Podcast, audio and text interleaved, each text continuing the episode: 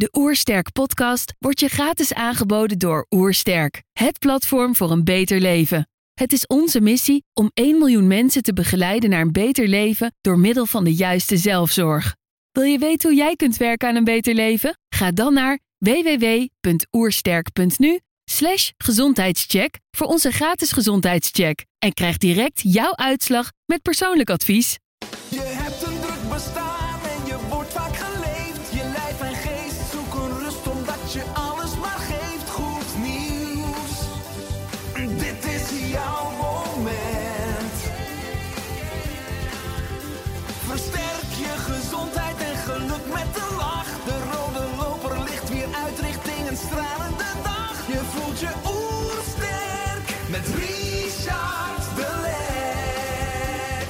zijn hier in Heemskerk voor een podcast met Willem van der Bent. Willem is psychiater in Amsterdam en auteur van het boek Voel je beter. Ik ben benieuwd naar zijn tips voor een beter leven. Trouwens, geniet je van onze podcast? Abonneer je dan en laat een reactie of review achter. Zo help je ons om het gezondheidsvirus te verspreiden. Let's start! De Oersterk Podcast. Een ontdekkingstocht naar een beter leven. Willem, welkom. Ja, dank. Op de voorkant van je boek Voel je beter staat tips en tools van een psychiater. Waarom besloot je dit boek te gaan schrijven? Hè? Omdat je in het begin wat huiverig was. Ja. Eh, ik heb besloten dit boek te schrijven omdat ik eigenlijk ja, in tijd eh, zoveel mensen eigenlijk tegenkwam die eh, eigenlijk altijd tegen hetzelfde aanliepen. dat ik ook het gevoel had van, goh, joh, mensen, eh, eh, zorg je wel goed voor jezelf. eh, let je wel goed op eh, lichamelijke beweging. eh, eh, joh, weet je eigenlijk wel helemaal hoe je in elkaar zit of niet. Ehm, nou, allemaal van dat soort dingen dat ik eigenlijk bemerkte joh, dit, dit komt zo vaak terug. Eh, ik vertel zo vaak hetzelfde verhaal. Dat ik eh, dacht van, ja, ik moet dit eens een keer op gaan schrijven. Eh, het scheelt mij tijd. En ik hoop daarmee ook zeg maar, mensen het gewoon te helpen. Eh, gewoon een breder publiek te bereiken. Ja, want je bent psychiater. Hè? Mensen zijn vaak mentaal overbelast zonder dat ze het zelf doorhebben. Dat schrijf je ook. Hoe herken je deze signalen, ook als mensen nu luisteren of kijken? Ja, er zijn eigenlijk heel veel signalen die eh, ja, eh, kunnen betekenen dat je aan het, eh, gewoon niet zo goed in je vel zit, dat je aan het dalen bent in je batterij. Bijvoorbeeld slapen. Slapen is een heel erg ja, veel voorkomend symptoom. Dus als mensen minder, ja, minder lang slapen, bijvoorbeeld door later in te gaan slapen, dat ze langer wakker liggen, dat ze eh, vroeger wakker worden, eh, gaan malen dan als ze eh, wakker zijn, dat ze paniekgevoelens kunnen ervaren.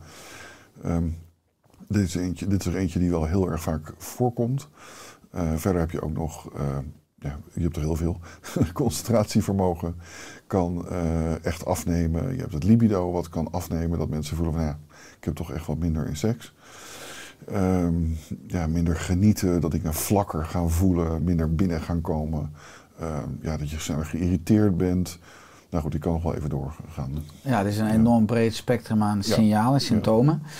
Eh, je beschrijft in het boek ook eh, de metafoor van de mentale batterij hè, met verschillende zones. Eh, Ja. Hoe kunnen mensen hun mentale batterij beter opladen en welke zones zijn er?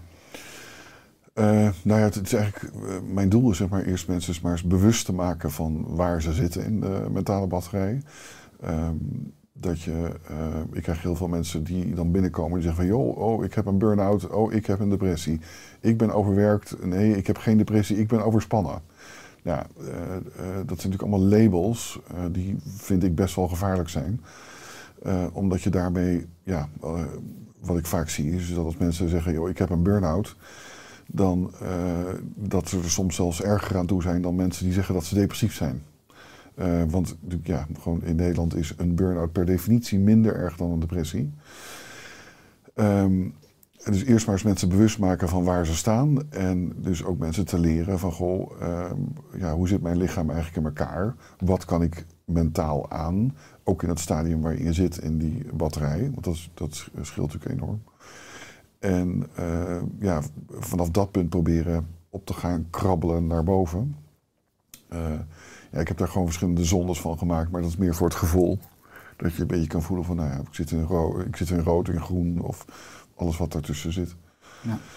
Ehm, ja, Ja, en qua beter opladen, is het goed dat mensen bewustzijn hebben dat alles wat je doet, of mensen die je ontmoeten, kunnen energiegevers zijn, kunnen herstellers zijn of energieslurpers zijn. Ja, ja eh, dus inderdaad. Ehm, dat ja, heel veel mensen die bijvoorbeeld kunnen toch echt voelen van joh, eh, nou ik heb net iets leuks gedaan, het was hartstikke leuk. En dan twee dagen daarna eh, toch zich minder goed voelen. En linken dat dan dus niet aan wat ze twee dagen daarvoor hebben gedaan. En dat kan natuurlijk ook weer gevolgen hebben, bijvoorbeeld als je in een relatie zit. dat je als je op die dag zagrijnig bent, dat weer gaat uiten naar je partner, waardoor daar weer wat ontstaat. Ehm, dat zou dus goed kunnen zijn dat eh, bijvoorbeeld een, zeg maar een avond waarmee je met vrienden zeg maar, bent geweest, die hartstikke leuk leek, nou, wat op dat moment natuurlijk ook zo is, eh, dat dat toch vreet. Eh, waardoor je dus daarna gewoon eigenlijk moet bijkomen. Dus eigenlijk met andere woorden dat je overprikkeld bent en dat je hersteltijd nodig hebt. En ehm, ja, daar probeer ik dus dan mensen ja, inzicht in te geven en te herleiden heel vaak. Ik zie eigenlijk nou, bijna nooit dat als mensen echt terugval vertonen, dat je niet kan herleiden naar van joh, wat er is in de afgelopen periode gebeurd. Eh, mensen onderschatten dat gewoon heel vaak. Joh, ik moet dit toch kunnen. Ja, want bij heel veel mensen is een metalen batterij uitgeput. Hè? Want je die krijgen dan verschillende labels. Je benoemt net het zinnetje, in Nederland is een burn-out minder ernstig dan een depressie. Tenminste, hè, dat qua, qua, qua, zoals men het ziet. qua label. Dus is het ook afhankelijk van een stukje sociale context? Dat men liever een burn-out heeft dan een depressie Ja, of andersom? Ja, nou ja met, eh, exact. Eh, een- een depressie is natuurlijk echt een taboe. Ik hoor heel vaak van als mensen het over een depressie hebben. Ja, dat is dan toch dat je alleen maar nog in bed ligt en met een, eh, met een deken over je hoofd en dat je tot niks meer komt. Ja, dan zeg ik van ja, dat klopt helemaal niet. je hebt gewoon eh, heel veel tinten grijs eh, totdat je uiteindelijk daar bent. En ik, ik zie dat soort personen eigenlijk amper. Ik zie aardige mensen die gewoon nog werken, maar het wel heel erg zwaar hebben. Maar die noemen zichzelf dus dan van nee, maar ik heb een burn-out. En hoe is dat onder artsen of op de Zuidas? Eh, leuke vraag. Nou, het is natuurlijk zo contextgebonden dat dus een, een, eh, bijvoorbeeld een depressie eh, wordt in Amerika veel vaker gesteld dan burn-out, want burn-out wordt niet vergoed door de verzekeraar. Eh, dus het is veel meer ja, algemeen. En hier is toch, ja, een depressie is een heel zwaar woord. Zoveel jaar geleden schoten dan, ik weet niet, het was van die incidenten dat mensen die depressief waren allemaal hele vervelende dingen hadden gedaan. Volgens mij in een winkelcentrum of zoiets. En ehm, ja, dat is dan heel erg gelinkt aan elkaar. Van dan ga je hele heftige dingen, zou je eventueel kunnen doen. Naar anderen of naar jezelf. Eh, dus dat is echt taboe, dus daar wil je ver van afblijven. Eh, dus dan heeft men- hebben mensen een burn-out. Ehm, nou, ik hoorde laatst nog van, eh, dat iemand toch echt zei van... "Ja, maar ik moet een burn-out hebben. Die persoon werkt op de Zuidas. Want als je daar een depressie hebt, ja, dan kan je carrière wel afschrijven. Ja. En dat is onder, nou goed, wat je net zei, onder artsen eh, valt mij dat ook op. Dat eh, eh, daar ook in bladen wordt geschreven van, joh, dat burn-out heel veel voorkomt. Dan denk ik, nou ja, dat is... mensen zijn gewoon, bedoel, in mijn termen gewoon depressief. Maar ja, ze noemen het burn-out. Ja, dus en jij- daarom kom ik dus met die metalen batterij Ja. om... Dat label is, dat stigma van, hup, weg ermee. Je hebt gewoon een mentale batterij, punt. En je zit hoog, of je zit laag, of je zit ertussenin. beschrijf je heel erg sterk en prikkelend in je boek. Als ik kijk naar jouw levenspad, hè, je groeide op in Amersfoort en eh, Chicago in Amerika. En dit zijn twee verschillende werelden. Hoe kwam dit zo, dat je van Amersfoort naar Chicago ging?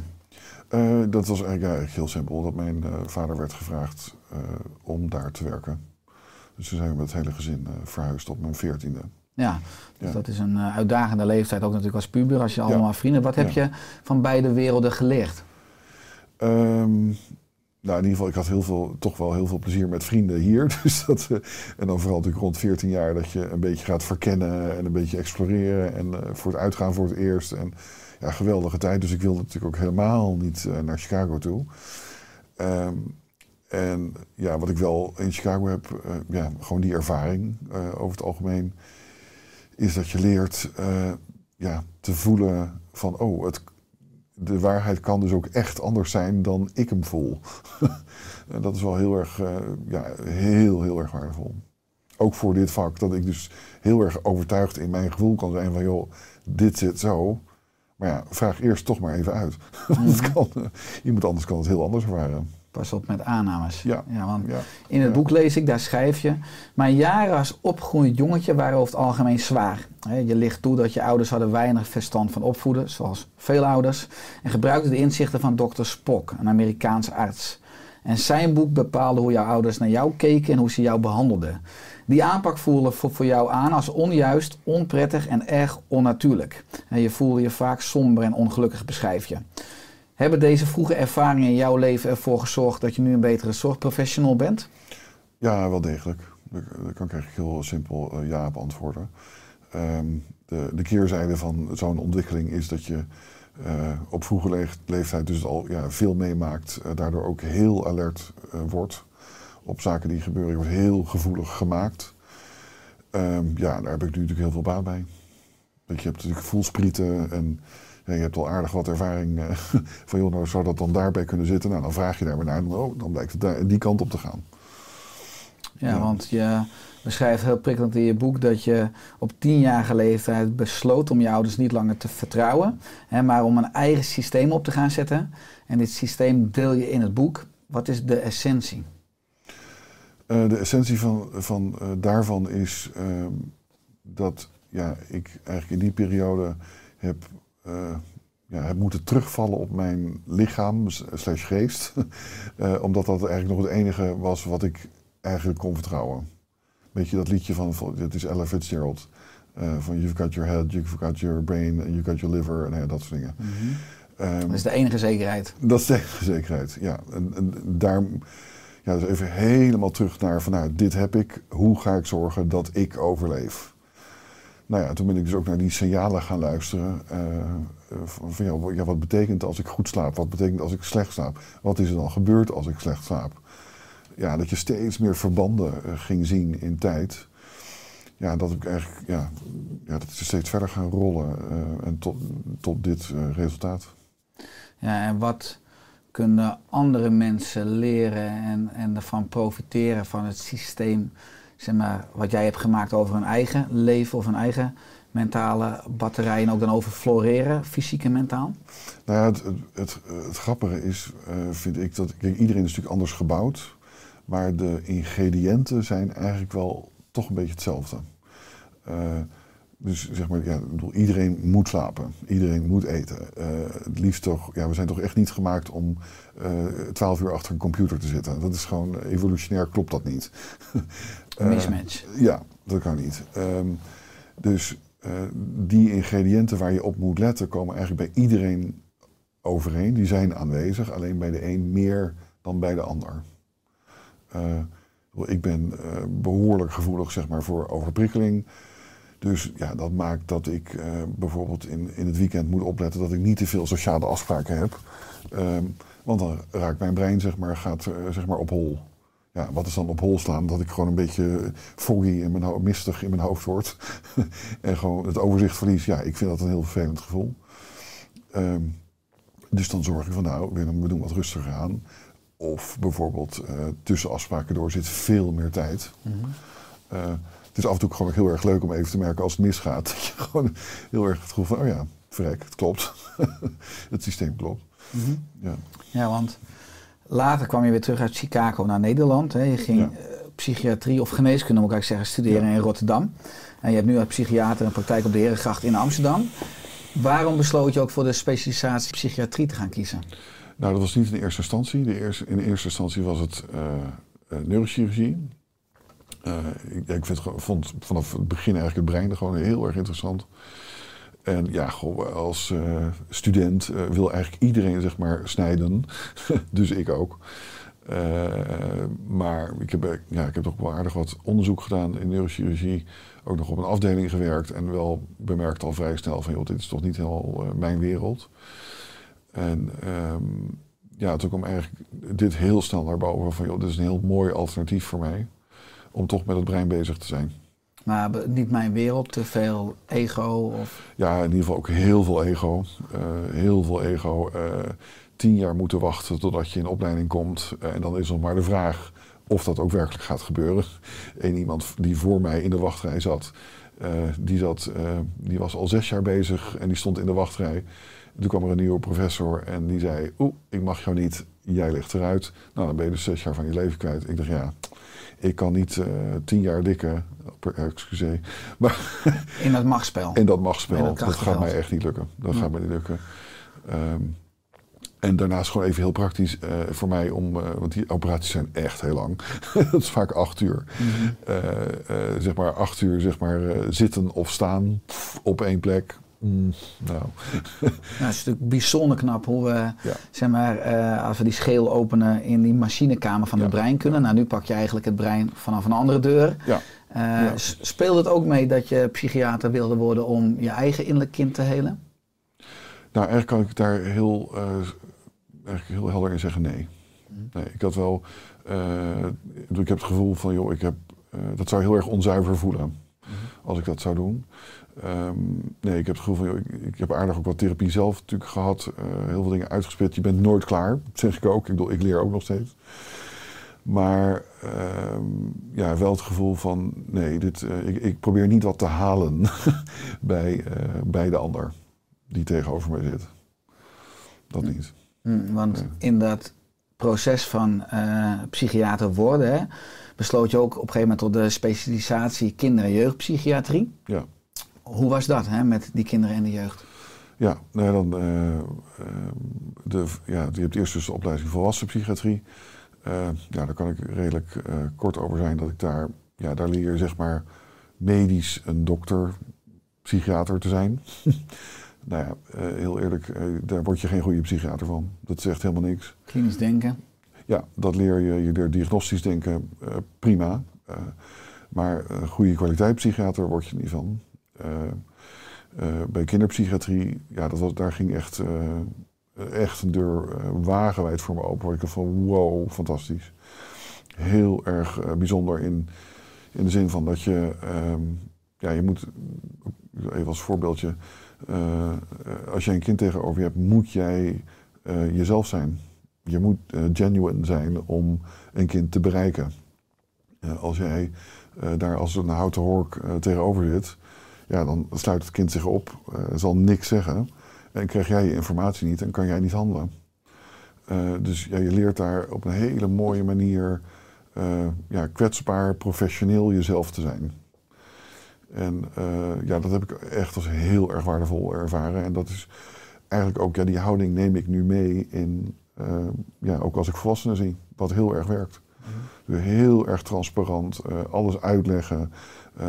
Ja, ja, in ieder geval dat ze elke stap eh, weten zo van wat er gebeurt.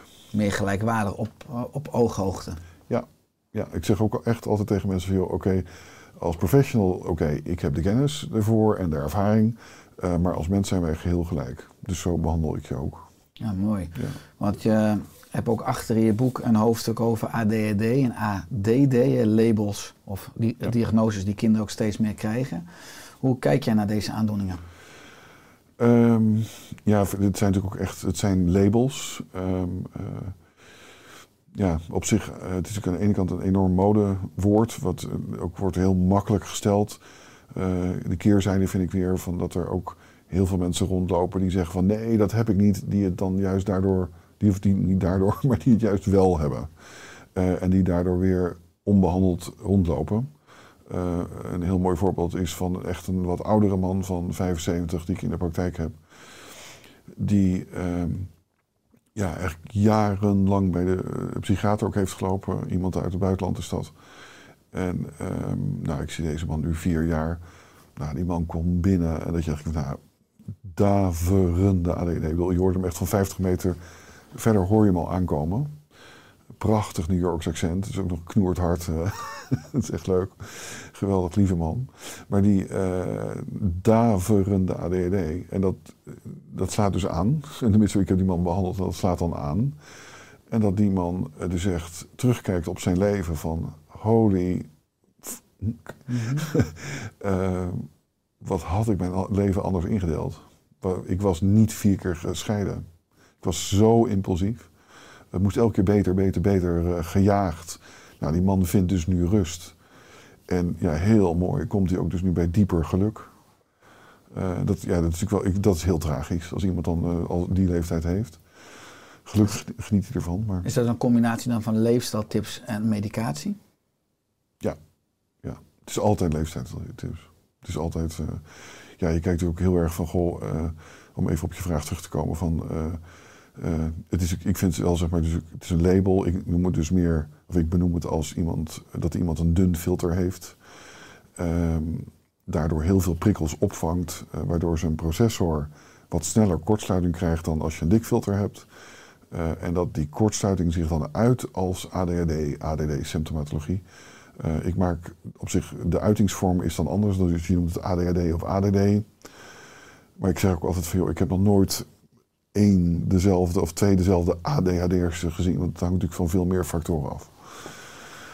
Ehm, dus ma dat maakt dan ehm, dat je inderdaad met leefstijl eh, tips ook aan de slag gaat. Van joh, nou wat zijn de slurpers, wat zijn gevers voor jou? Eh, dat je echt op zoek gaat naar balans.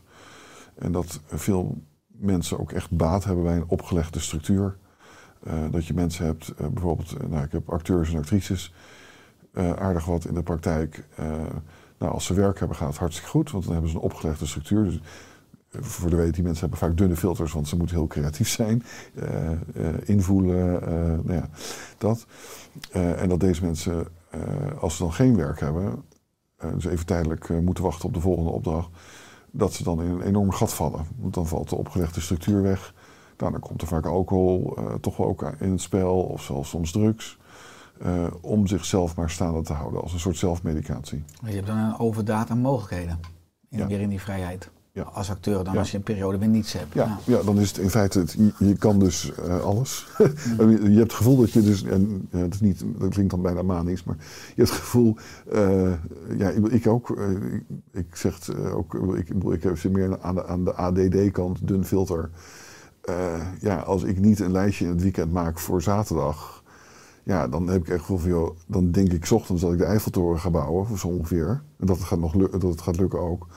En s'avonds denk ik van, oh, nou, ik heb weer geen uitgevoerd. Ja, want Ja. je schrijft in je boek over energie, over prikkels en je filter. Je noemt net een dun filter. Hoe weet de luisteraar of kijker of je een dun of dik filter heeft? Nou ja, de meeste mensen op zich weten dat wel van zichzelf. En dat is dan toch dat ze overgevoelig zijn voor geluid. eh, dat ze moe zijn na sociale afspraken. Eh, ja, de, de meeste mensen beseffen dat wel. Nou, zijn Dat veel veel mensen die, zien. die betitelen dat als hoogsensitief of HSP. Ja, sommige mensen eh, noem- benoemen dat zo. Eh, daar heb ik zelf altijd iets meer moeite mee. Omdat dat voor mij ook weer wederom zeg maar, een label is voor een bepaald segment in de samenleving. En wat, ja, ik wil niet geen, te generaliseren. Maar wat ik wel vaak zie is dat mensen die zich zo noemen, dat het vaak ook een soort van ego-strelend is. Van kijk mij toch eens eh, of mijn kind HSP zijn. Eh, alsof het dan ook zeg iets heel bijzonders is. Ja, dat, daar, heb ik wel, daar heb ik moeite mee, want dat, dat voelt heel onzuiver. Mhm. En als je het hebt over je filter, wordt, word je geboren met een dun of dik filter? Of kan je dat later trainen of dunner of dikker maken? Ook vanuit het perspectief dat het anders misschien goed zou zijn als we gevoelige kinderen of kinderen met een dun filter al zouden adviseren van nou qua beroepskeuze ga maar niet op de beurs werken of word maar geen traumaarts, hè, waar je continu Ja. heel veel prikkels moet Ja, schakelen. Ja. Ehm, dat, je, ja, je kan, dat is zeg maar nature en nurture. Dus je wordt wel eigenlijk aangeboren met een bepaalde dikte. Ehm, dat de dikte kan nog wel variëren zeg maar, in, in de tijd dat je opgroeit. Dus als jij in een situatie opgroeit die eh, bedreigend is, dan, dus ik maak even een metafoortje richting dat je op een grasveld wordt gedumpt en eh, er kunnen op, kan opeens een leeuw zeg maar, uit het eh, gras zich opdoen, Als kind zijn. als kind zijn. Ja. Ja. dan heb jij heel veel baat bij een dun filter. Dus je wordt heel erg dan alert. Ja, in- als jij als kind in een bedreigende situatie zit, is het heel erg handig. Ik vind dat prachtig hoe dat werkt, hoe dat evolutionair dus werkt. Dat je overlevingskansen dus vergroot worden. dat je dus heel alert bent. Alleen, ja, op een gegeven moment is dat een soort van klaar. eh, ben je gebakken. En dan hou je dat dunne filter. Eh, en daar loop je dan dus mee rond eh, op straat. En dat kan dus soms heel veel ehm, eh, te veel worden voor mensen. Bijzonder is wel ook dat er ook mensen zijn ja, je hebt natuurlijk ook, de processor kan ook nog in snelheid, eh, ja, dus het heeft een beetje met intelligentie te maken. Ik- het doet het niet helemaal recht, intelligentie. Ehm, want je hebt ook emotionele intelligentie, dus ja goed, doe die maar samen even. Eh, dat je dus mensen hebt die, eh, wat, wat mij heel erg opvalt, is als mensen dus een soort megaprocessor hebben, heel goed functionerend, en een dun filter, dat die mensen vaak op hele hoge functies zitten. dat valt me heel erg op. Die zien alles, die voelen alles aan. Die, ja, die kunnen dus ook blijkbaar, omdat ze zo'n megaprocessor, een mega-organisatie leiden. Nou, dus dat is een sterke combinatie. Ja, dat is een hele sterke combinatie. Maar als je processor dus een stuk kleiner is, dan is het wijs om ook je Ja, leven of je ja, werk iets anders in te richten. ja, dat, dat zeg ik ook tegen die mensen die ik dan tegenover me heb met megaprocessoren. Van joh, ja, eh, besef wel, jij doet nu iets wat ik echt niet zou kunnen. Dat is ook een talent. Dan. Ja. Ja, ja, is het, het is een type bouw. Ja. Type bouw. En dan, ja, dat is dan echt geluk ook. Mhm. Ja. Ja, want het mooie is, vind ik ook mooi in je aanpak en in je schrijfstijl en in je boek. Je combineert eh, wetenschap met je eigen ervaringen, maar ook inzicht uit het oosten. Ja. Hoe kwam je ook bij de inzichten uit het oosten uit? Eh, het Taoïsme lees ik in je boek. Ja, ja Taoïsme. eh, ik heb eigenlijk een soort reis zeg maar, zelf ook afgelegd. Uh, nou, dit is echt wel iets van twintig jaar geleden. Eh, dat ik op zoek was naar ja, toch ook een soort van houvast. Omdat ik eigenlijk, ja, wat we ook eerder bespraken, eh, weinig houvast had.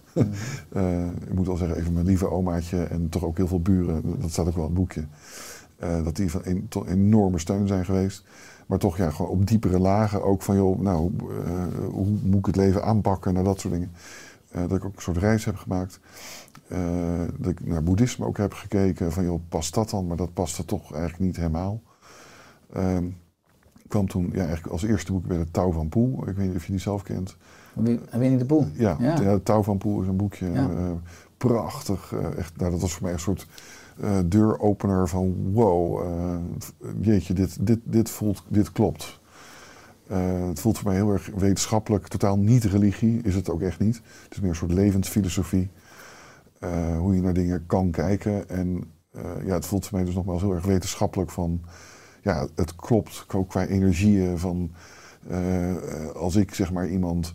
eh, als ik in de praktijk zit met een positief gevoel en ik straal dat uit...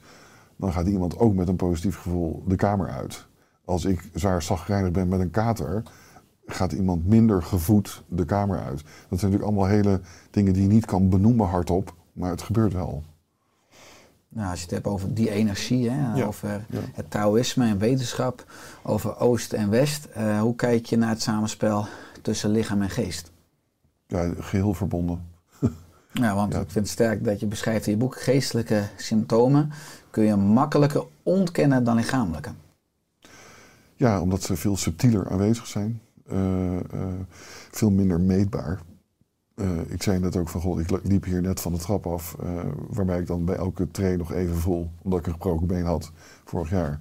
Dat je een bepaalde steek, een klein steekje zeg maar, voelt. Eh, ja, dat is meetbaar, dat voel je. Als je bijvoorbeeld naar slapen moet kijken, ja, dat is al veel subtieler. Van ja, oké, ik heb vannacht wat minder geslapen, maar komt dat dan door de dag ervoor? Komt, dat komt dat door de goede dag ervoor dat ik toen goed sliep? Eh, komt omdat ik een wijntje heb gedronken? Ja, van alles nog wat. Eh, heel lastig meetbaar en het gaat ook nog vaak heel erg langzaam. Dus als mensen dalen in de batterij, gaat het zo, een soort vals plat, maar dan naar, dus naar, beneden, naar beneden. Dat je niet ziet van wat er eigenlijk gebeurt. Vergroot dat de kans in de moderne ma- maatschappij op mentale en emotionele klachten of ziektes, aandoeningen, omdat we ook in de cultuur niet getraind worden in het observeren of het waarnemen van het onzichtbare? Ja, hele goede vraag. Maar de, ehm, ja? ik zit even te kijken wat de vraag onder de vraag is. Nou, veel meer omdat we in het onderwijs, of ook over het algemeen je ouders hebben, die- als je al als kind bijna net als meditatie of mindfulness of lichaamsbewustzijn al traint om af en toe in te tunen, ook na een dag Ja. of na een weekend, van hey, welke keuzes heb ik gemaakt, hoeveel energie heb ik, eh, hoe is het met mijn mentale batterijen. Dat zijn allemaal Ja. concepten die we vaak pas gaan ontdekken als, eh, Als het we is. in de rood staan. Ja. Ja, ja. Eh, ja ik, de, eigenlijk, daarom is het goed dat je nog even een keer herhaalt. Ehm, dan, dan voelt het eigenlijk veel meer dat we zo ver verwijderd zijn van onszelf. dat we in ieder geval in deze samenleving, en ik, ja, ik heb wel, als ik rondkijk, bedoel, jij zal misschien ook reizen, ik ook. Eh, nu hopelijk weer. Ehm, dat mensen over het algemeen eh, zo ver van zichzelf verwijderd zijn en leren intoenen met zichzelf, ehm, dat mensen echt een beetje het spoor bijster zijn. Dus ik bedoel, en vooral merk ik ook met de, de, jongere garde, zo zeg maar 20, 2030, wat voor druk daarbij is gekomen door alleen al Instagram, door, eh, door Facebook, om maar te performen, te performen, te performen. En ja, dan is er geen ruimte om naar jezelf te kijken. Want er moet altijd het perfecte beeld eh, moet er, moet er staan. Eh, dus daar maak ik me wel zorgen over, ja. Maar dat is een perceptie van dus die generatie met betrekking tot die, die maatschappelijke norm dan misschien, Nou, die, sociale lat, norm. Die lat ligt natuurlijk ongelooflijk hoog. Ja, want het is interessant. Je hebt nu al ruim tien jaar een succesvolle praktijk in Amsterdam. Komen mensen eh, nu sneller naar een psychiater in vergelijking met vroeger? Omdat ik ook heel erg vroeger de associatie had van jij moet wel een beetje gek zijn voordat je naar een psychiater gaat. Ja, het is lastig natuurlijk, want ik, zit natuurlijk, ik krijg mensen binnen die, die graag willen. Eh, dus voor mij is dit een lastige. Proactief. Ja, Ja. ja, ja. dus ik, ik zie natuurlijk niet de mensen die niet willen en eh, nog twijfelen. Mhm. dus die vind ik wat lastiger te beantwoorden. En komen de meeste mensen bij je met eh, bepaalde aanleg of al met klachten of ook juist preventief om uiteindelijk te floreren? Eh, nee, de meeste mensen komen echt wel binnen. Dat is ook een beetje de rol die ik nu heb. Hè? Eh, dat de meeste mensen wel binnenkomen met al dusdanige klachten. En Ja. zie je de afgelopen twee jaar meer mensen in je praktijk als gevolg ook van de vrijheidsbeperkingen. We hebben afgelopen twee jaar met corona natuurlijk ook Ja. lockdowns in allerlei sectoren, maar er is een toename van chronische stress.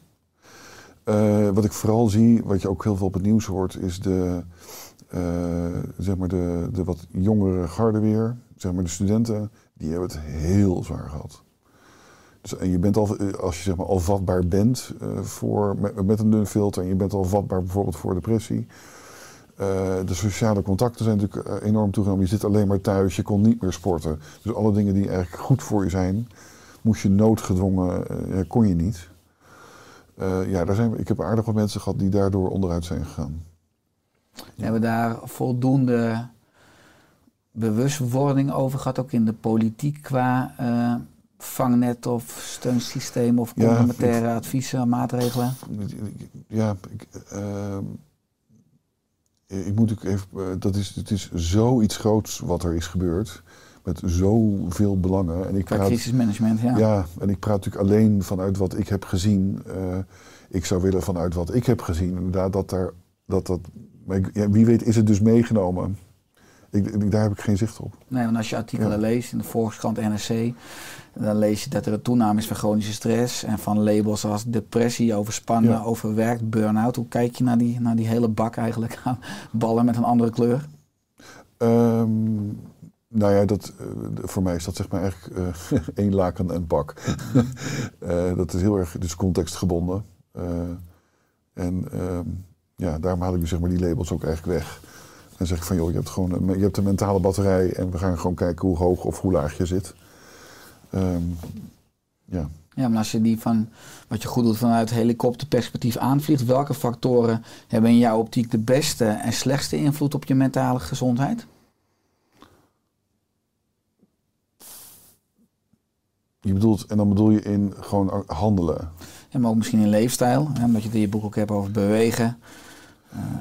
Nou ja, dan, ik, doe- kijk, dan eh, een van de allerbelangrijkste is slaap en nog eentje beweging. Ik heb er, ik heb heel grappig, zoveel mensen die dan eh, het lopen te. En mensen moeten doen wat voor hen goed is. Ik bedoel, niet iedereen is voor een sportschool gemaakt of voor een groepsport of wat, natuurlijk. Eh, maar doe wat in vredesnaam. Ik Desnoods wandel. Prima. Ja, maar ik heb, dan heb ik heel veel mensen die dan heel veel weerstand hebben. Iedereen bedankt me als ze eenmaal de drempel over zijn. Ik heb nog niemand gehad in de laatste twaalf jaar die zegt van nou, oeh, dat was een slecht advies. Eh, en daarnaast is slapen. Slapen is echt eigenlijk de grootste heilpaal voor mentaal welzijn. Ja, en als je het hebt over slapen, zeg je van minimaal 7,5 uur. Of ga voor een bepaalde tijd naar bed toe. Of Denk ook aan de, aan de schermpjes avonds. Nou ja, dat is natuurlijk weer van. eh, dat- ik hoop dat het boek daar dus bij helpt. Dat je eh, dus met zo'n beetje een, een eh, weekschema een beetje gaat voelen van ah, verrek, nou dit werkt voor mij. Ik bijvoorbeeld, ik zelf was de afgelopen periode, ging weer toch een beetje zo veel te laat van mij. Dus 12 uur naar bed. Ja, ik merk dat, ik begon dat dus te merken in mijn brein. Dan wordt mijn brein zeg maar wordt drukker. Meer associatieve gedachten, dus meer van hop naar her. Eh, nu heb ik twee dagen weer gezegd, joh, eh, klaar ermee. Ik lig weer om kwart voor elf in bed. Nou, nu al wereld van verschil. Hoe laat sta je op? Eh, ja, zo zeven uur, kwart over zeven. Ja. dus ik, ik, moet wel, ik, moet, ik moet wel de acht uur halen. De meeste mensen halen de, halen, hebben ook acht uur nodig. Er zijn heel wat mensen die denken dat ze veel minder nodig hebben, maar dat klopt niet. die zitten soms dus al lager in de batterij, want dan denken ze, en want vaak als je lager de batterij zit, slaap je natuurlijk minder. En dan denken ze, oh no, ik heb minder slaap nodig. Nou, no way. Hmm, is als dan sprake van een stuk mentale roofbouw op de lange Ja, termijn. ja, waardoor je ja, misschien ook dan signalen gaat krijgen. Of nog ergere signalen gaat krijgen. ja, Ja, slaap is een van de eerste symptomen. Ja. En het mooie is nog wat je ziet van als dus mensen eh, er weer uitkomen en ze zitten dus weer goed in de batterij, dan zie je dat er een soort, dat noem ik dus ook herstelslaap, komt. Dan voelen ze echt zo van, wow, ik kan de hele dag wel slapen. En dat is geen nare vermoeidheid, maar een soort van, nou, oh, ik, wil gewoon, ik moet bijslapen.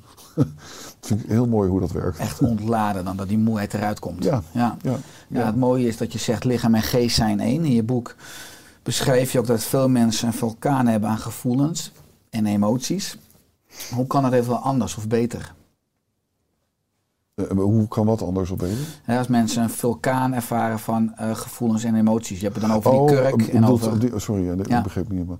Eh, dus dan eigenlijk dat die vol zit. Ja. Ja, Ehm, ja natuurlijk wat, je, wat, je vaak, wat ik vaak zie bij mensen, maar dat, ja, dat er dus een kurk op is gekomen.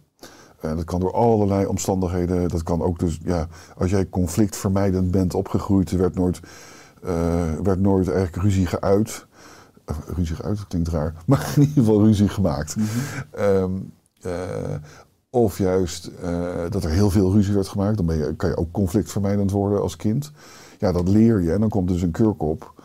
Eh, en dan kan dus op een gegeven moment die ja, bal die daaronder zit, kan zo zich opvullen. Waardoor het aan alle kanten eruit gaat spuiten. En je dus een hele andere klachten krijgt die niks met het oorspronkelijke te maken hebben.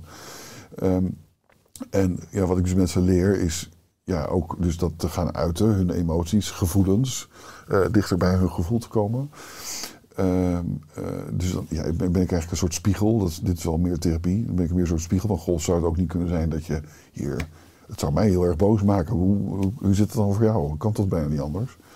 Nou, het kan nog zijn dat ze in het begin zeggen, nee, nee, nee, is niet zo. Ik ben niet boos. Dat heel vaak zeggen ze, ik ben teleurgesteld. ja, dan ben je gewoon boos. Eh, maar ehm, eh, ik leer dus mensen bij een gevoel te komen, dat te gaan uiten. Maar ook daarnaast gewoon de lichamelijke component. Dus ik heb ook mensen gisteren nog die zeggen van, ik moet gaan boksen. Nou, hartstikke goed. Ga ervoor. Ja, dat het eh, eruit kan stromen, Ja, dat kan, ja. kan ontladen. Ja, het Ja. mooie is dat je boek vol zit met sterke mentale principes. Hè. Je wilt mensen helpen om de weg te vinden naar kracht en geluk. Eh, zou dit standaard vanuit een zorgverzekeraar ook aangeboden mogen worden? Dus vooral ook een stukje preventief? Eh, ik zou het wel wensen. Maar dat, dat hoeft niet per se via vergoeding. Maar meer, mijn doel is natuurlijk met dit boekje om dit soort van gemeen goed eh, te laten. Ja, dat mensen het gaan invoelen. Is- dat vind ik dus wel heel erg leuk voor de mensen die het hebben gelezen. die het ook langzaam lezen. Dus je moet het ook niet in één keer, één keer lezen, want het moet een soort van binnenkomen bij je. Eh, dat het echt gaat leven en dat ze er echt wat aan hebben. En dat, ja, dan is het natuurlijk ook preventief. En je vroeg nog wel even van, goh, eh, van wat is zeg maar negatief. Want ik had, eh, zeg maar slapen hadden we en sporten. Dat, dat alcohol werkt vaker als een hele negatieve. Nou, je pakt hem goed terug. Dus heel veel Ja. mensen die komen na een drukke dag thuis. En Ja. die gaan toch s'avonds even lekker een biertje of een wijn. Of samen een flesje wijn om even te Ja. ontladen. Maar Ja, ja, ja, dat zie ik echt als... ehm, als je daar, daar niet de controle over houdt, eh, op hebt... dan eh, kan dat met, met jezelf aan de haal gaan. Dat het, eh, even, ja, ik zeg dan dat mensen tegen mensen van... joh, op het moment zelf, dat is ook precies wat mensen beschrijven... oh, kan ik even de dag achter me laten. Ja, in feite wordt dan je filtertje even dikker... Waardoor je je processor, je, over, je overbelaste processor even niet voelt. Dan zeg ik ook, dat mensen beamen dat ook, daarna wordt hij dus dunner. Waardoor dus mensen juist prikkelbaarder worden. Dat is natuurlijk de volgende dag. eh, en dan hebben ze dus weer, weer wat nodig. En dan, zo blijven mensen dus zeg maar hangen. En komen, ja, eh, heel veel mensen bij mij eh, gebruiken dus alcohol als een soort zelfmedicatie. Maar werken ze er eigenlijk dus meer de nest in. Dat is een negatieve neerwaartse spiraal. Ja, Ja, ja. want je had het ook al aan over de kracht van sporten. Nou, je bent zelf fanatiek sporter. Ja. En je beschreef ook net hoe je op je skateboard door je hond uitliet dus gevallen bent, waaronder die beenbreuk links. Eh, wat Het is doe een je? schat hoor. Maar- Ja, ja, dat geloof ik. Ik heb zelf al wat doen van vijf maanden nu, dus ik weet dat onstuimig. Hè? Wat doe je precies en wat is ook de gunstige uitwerking van beweging op je brein en op stemming? Ehm, nou, het is op zich over het algemeen wel bekend dat, het, eh, met, eh, dat sporten zorgt voor in ieder geval een verandering in serotoninehuishouding en adrenalinehuishouding. En dan misschien ook nog dopamine. Ik ben nu niet, zit niet helemaal in die sector van moleculaire dat. Kan neurotransmitters, ja. Neurotransmitters, Ja. maar eh, grosso modo weet ik het wel. Dat klopt, ja. Ehm, eh, ja, d- d- d- je merkt gewoon dat dat werkt. Eh, dat, het, dat je een soort eh, klik krijgt. Ehm, heel, vind ik heel bijzonder dat mensen het ook zeggen. Ik heb het zelf ook. Dat als je bijvoorbeeld op een crosstrainer op een sportschool dan staat. eh, en je doet dat een half uur. Dat het eerste kwartier denk je. Holy crap, eh, wat ben ik hier aan het doen? Ik heb er zo geen zin in. En na een kwartier. Heel veel mensen zeggen dus een kwartier. Vind ik ook zo bijzonder.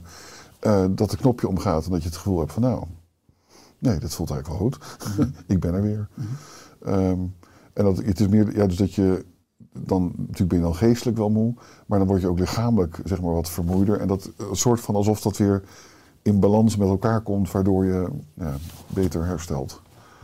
Daarna Ja. weer. Maar hoe zorg jij voor balans in je leven met al je activiteiten en rollen? Eh, ja, ik moet heel erg opletten. Dat zeg ik al. Eh, ik moet alles, eh, alles bij mij. Dit is trouwens ook wat ik tegen mensen zeg: van eh, alle activiteiten, zeg maar, worden een beetje in mijn hoofd al. Maar het gaat nu allemaal automatisch ingedeeld van: joh, dit is een positieve energieslurper, dit is een negatieve energieslurper. Oké, als ik dat doe, dan moet ik dat daar om me heen zetten. Eh, bijvoorbeeld eh, als ik een, een, een vergadering heb of zoiets, dan weet ik van nou, als het werk gerelateerd is, dan zuigt mij dat fors leeg. Ehm, ja, dan moet ik daar sporten na zetten. Dus daar ben ik dan ook heel rigoureus in door te zeggen, nou, tot zo laat ben ik er, daarna ga ik sporten. Ehm, Nou, Dus je bent op een hele mooie manier jouw agenda van de dag. is al energiemanagement waarin je dus kijkt naar Ja. plussen en minnen, zodat er balans is. Ja, ja, ik moet ook echt. Ik zeg ook, dat is ook echt zo. Ik vind mijn werk echt fantastisch om te doen. Ik ben heel dankbaar, heel mooi werk. Het is wel, ik noem- benoem het als een positieve energieslurper. Want ik ben, ja, het is wel een, eh, het is prikkelend. Eh, het voelt zelfs een beetje, nou, ook met de mensen die ik zie als Olympisch sporten. Eh, die mensen vragen ook allemaal zeg maar 100, eh, 100 procent. Nou, terecht. Eh, dat wil ik ook geven. En dat maakt ook dus dat ik heel erg goed voor mezelf moet zorgen om eh, op dat niveau te blijven. Om dat te kunnen leveren. Wat dus maakt dat ik wel, ik moet elke dag even lichamelijk bewegen, word ik gek. Welke vormen heb je dan? Qua lichamelijk bewegen? Ja? Ja, maar dat is natuurlijk wel heel erg afhankelijk van hoe je bent gebouwd. Ik vind, zeg maar, gewoon met gewichtjes spelen en zwemmen vind ik heel erg leuk. Eh, eh, duiken is zeg maar heel erg mindful, maar dat kan eh, niet al te vaak. Maar dat is wat ik vaak, graag vaker zou doen. En ja, lekker fietsen buiten, dat soort dingen. Ja. Ja. ja, want in het boek heb je ook de metafoor van de fiets en het wiel. Ja. En hoe kunnen mensen voor een betere balans zorgen tussen hun lijf, de fiets en het wiel? Ehm, die moet je nog even een keer. Want voor mij staat de fiets voor. Dus het grote wiel staat voor mij voor. eh, dat is eigenlijk zeg maar, hoe sneller die beweegt. Hoe beter jij, als, even als metafoor, hoe beter jij in je mentale batterij zit. En hoe lager, hoe langzamer dat wiel gaat. En dat dus eh, je eigen kracht, dat benoem ik dan de pijlen rondom je wiel. Eh, dat zijn de dingen die je zelf kan doen. Ja, En dat zijn eigenlijk de dingen waar we het hele tijd over hebben. Proberen goed te slapen, let op alcohol, bewegen, een goede balans te vinden. Ehm, eh, en dat je natuurlijk ook wel, je kan ook remmen eh, bij voorbaat al op het, nou bij voorbaat, maar ook door omstandigheden op het wiel krijgen. Bijvoorbeeld als iemand in relatieproblematiek zit. Ja, dat is vaak natuurlijk toch een hele negatieve energieslurper. Ja, dat zet dan weer een rem op de snelheid van je wiel. En dat staat dan gelijk als een daling. Maar het meer om mensen zeg maar, het gevoel te krijgen van oké, wat kan ik zelf doen? Eh, wat zijn omstandigheden Bijvoorbeeld alcohol is ook een enorme rem. Ja, als mensen dat opeens zien voor zich, heel veel mensen zijn toch heel fijn, heel visueel. eh, dat ze voelen van ja, oh ja, verrek, nu begrijp ik, eh, waar ben ik eigenlijk mee bezig? Oh, zal ik maar dan maar stoppen? Ja, ik denk dat het beter is om even te stoppen. Ja, ik bedoel ook vanuit die afbeelding in je boek kwam voor mij heel mooi dat eh, lichaam en geest samenspel terug. Vandaar Ja. dat ik noemde van je lijf, dus de, Ja. de fiets en Ja. het wiel, maar je ligt er mooi toe. Ja, ik hoop dat ik hem zo goed heb. Ja, maar ja, mooi. Ja. Eh, het is nu begin 2022. Heb je een bepaalde missie of droom voor dit jaar of aankomende jaren? Ja, praktijk, auteur, met je andere activiteiten. Ehm, nou, kijk, ik zou dit natuurlijk nog eh, graag. mijn allergrootste wens is dat taboe te doorbreken. Dat is mijn allergrootste wens. Ik, vind het eh, ook hoe de politiek ermee omgaat, eh, hoe eh, de geestelijke gezondheidszorg wordt bekeken. Onze, ik geloof dat twee ministers hiervoor was, dat zij nog zeiden van joh, ga maar met je, met je buurvrouw praten. Want dan heb je, heeft dat hetzelfde effect. Ik, ik, dat, ik, nou ja, dat schandalig, schandalig, schandalig. Edith Schippers. Ja. Ja. Ja. Die heeft weinig goeds gedaan is voor de GGZ in jouw optiek. Eh, ja, ze heeft ook wel wat goede dingen gedaan, maar, maar dit, was haar, eh, eh, dit was haar onderliggend gevoel over de GGZ. Ja, ja. Jongens, echt. er zijn zoveel dingen gaande om zeg maar, dit vakgebied kleiner te maken. terwijl ik, ja, god, kijk, als ik niet nodig was, klaar. Dan doe ik wel wat anders. maar ik, ik, bedoel, ik heb mensen huilend aan de telefoon. Ik bedoel, ik heb mijn praktijk nu, ik heb een patiëntenstop erin moeten zetten. Omdat, eh, in ieder geval, ik kan niet meer aan, zeg maar, de vraag. Eh, en dan, je moet dus dan mensen weer afwijzen die dan dus vier of vijf maanden op de wachtlijst staan. Dan weet je ook weer dat het nog erger wordt. Dus er is zo'n. eh, ja, er is ook dus zeg maar, het taboe werkt dus ook door in de politiek. Waardoor ja, het minder aantrekkelijk wordt gemaakt. Waardoor er dus ook weer minder mensen voor dit vakgebied gaan kiezen. Terwijl de vraag gewoon enorm is. Ja, met die, eh nou, je zegt druk, wachtlijst. Wat is in die jaren het gekste of het grappigste wat je hebt meegemaakt? Of in ieder geval iets wat op jou de meeste impact heeft gemaakt? Nou ja, dat is eh, eigenlijk, en dat speelt ook nu, dat is ehm, dat de dingen die dus allemaal nu zijn verschoven in de politiek, dus dat een verzekeraar, eh, dat dus een verzekeraar nu het recht heeft om te bepalen hoe ik ongeveer moet handelen. Terwijl een verzekeraar, ik bedoel, eh, eh, ik zeg maar even, Chantal, zeg maar, die eh, net bij VGZ is gaan werken, even als voorbeeldje, geen idee heeft van wat mijn vakgebied inhoudt. En daar wel hele grote beslissingen over moet maken. Dat kan ze dus niet. En maakt dus ook vaak hele foute beslissingen. Eh, ja, ik, bedoel, ik, ik kan het heel concreet gaan maken, maar ehm, eh, bijvoorbeeld dat je we werken met omzetplafonds, het is dan een beetje meer inhoudelijk, maar dat ik een zakje met geld krijg en van nou, joh, jij krijgt zoveel eh, voor dit jaar. Nou, op zich vanuit eh, economisch perspectief begrijp ik dat. Maar de vraag is enorm. En ik heb soms dus dat je gewoon bij spreken tijd hebt om die mensen te zien. Maar ik mag ze niet zien, want mijn budget is op. Ja, het is, allemaal, het is zo, eh, zeg maar, ja, dit- is ook maar even wat het Taoïsme ook aangeeft. Van hoe meer regels je oplegt, hoe zieker het systeem wordt. Maar het gaat dan niet meer om de hulpbehoevenden, maar het gaat Totaal meer om euro's. Dus, Totaal dus daar zijn we een is- beetje van afgedwaald. Het is heel, het, is, eh, eh, het einde is echt voor mij heel ver heen. Is dat, hoor je dat ook onder collega Ja, dus het psychiaters, dat dat een, eh, het is frustratie Het is? een hele grote frustratie. Want het leidt af van de kern en de passie waarom je voor het je, vakgebied je, hebt moet dingen, je, hebt, je moet dus dingen, gewoon handelingen doen dat je echt denkt. Ja, dat, het, het gaat te ver, denk ik, omdat dan, dan, dan wordt het onduidelijk, eh, denk ik, als ik dat heel specifiek hier ga uitleggen. Maar je moet dus handelingen administratief doen die gewoon. eh, eentje is dus dat ik. eh, eh, dat er zeg maar dan een nieuwe. eh, eh, je hebt dus van, van diagnostiek eh, eh, eh, die je moet doen. Eh, en dan heb je dus eh, dat er een nieuwe, een nieuwe systematiek is ingevoerd. Dan moet ik dus opeens weer een nieuwe hoofddiagnose. Want iedereen die bij mij komt heeft een hoofddiagnose. DSM-4. Deze vijf al. Oh, Om- ja, we gaan ja, door. ja, Ja. we gaan door. Dat heeft even geduurd inderdaad. Eh, maar om eh, dat bij de verzekering in te dienen. Die moet ik dan dus helemaal weer opnieuw instellen. Maar die mag ik niet indienen. Want dat, dat zegt het systeem nee. Dan moet ik nog een diagnose erbij stellen. Zeg maar, die misschien dus iemand wel niet heeft, maar anders kan ik de, DBS de diagnose, dan kan ik de, het dossier niet declareren bij de verzekeraar. Dus dan moet ik iemand een extra diagnose geven, terwijl hij die eigenlijk niet heeft, om maar het systeem eh, te bevredigen. Nou, het is, het is echt, het is belachelijk. Ja. Maar zie je dat aan komende tien jaar goed komen? Uh, nou, er wordt heel hard gestreden. Er wordt echt heel hard gestreden. Maar het, uh, uh, ik, ik, ik, weet het niet. De, de kinder- en jeugdpsychiatrie is echt om zeep geholpen door de politiek. Dat is natuurlijk besloten dat, dat de gemeentes het over gaan nemen. Dat je dus nu, als je in Amsterdam woont, is er zoveel geld. als je twee kilometer verder loopt, is er misschien de helft van het geld. Waardoor het kind wat buiten woont niet een behandeling krijgt en, en het kind in Amsterdam wel.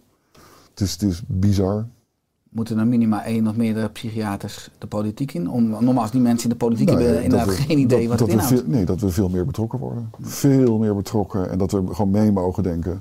Maar je ziet heel erg, want het is gewoon management, eh, ja, zeg maar juristen, eh, managers die denken van nou, zo gaan we het doen. Dan denk ja, maar dit is totaal niet met de praktijk verenigbaar. Echt. Ik, het is ik, nou, ik heb ook geen. Hier kan bijna verdrietig over worden. Hmm, dat snap ik, ja. Ja. Is er aan het einde van de podcast, Willem, nog iets dat je graag wilt toevoegen of aanvullen? Nou, eh, eh, eh, hoe mooi het leven is als je goed naar jezelf leert te luisteren en echt die teruggaat naar, zeg maar, naar de kern, hoe jij bent gebouwd, hoe, ja, dat je echt gaat voelen van wat is goed voor jou. Dan zie je vaak hele mooie processen op gang komen. Mooi. Waar kunnen mensen meer informatie vinden over jou, je praktijk, over je boek? Ehm, nou ja, in ieder geval op eh, Willem van der Bent. Volgens mij is het .com. .com. .com, ja, klopt. Ja. Dat mag, ja, mag jij zeggen. Ehm, ja, in ieder geval daar staat, al, daar staat alles. Daar staat alles. Mooi. Dus, eh, Dankjewel voor eh, de komst, Willem, in de harte. podcast. En alle goeds met je mooie activiteiten. En laten we zorgen samen voor een wereld waarin heel veel mensen zich beter voelen. ja, deal. Dankjewel ook.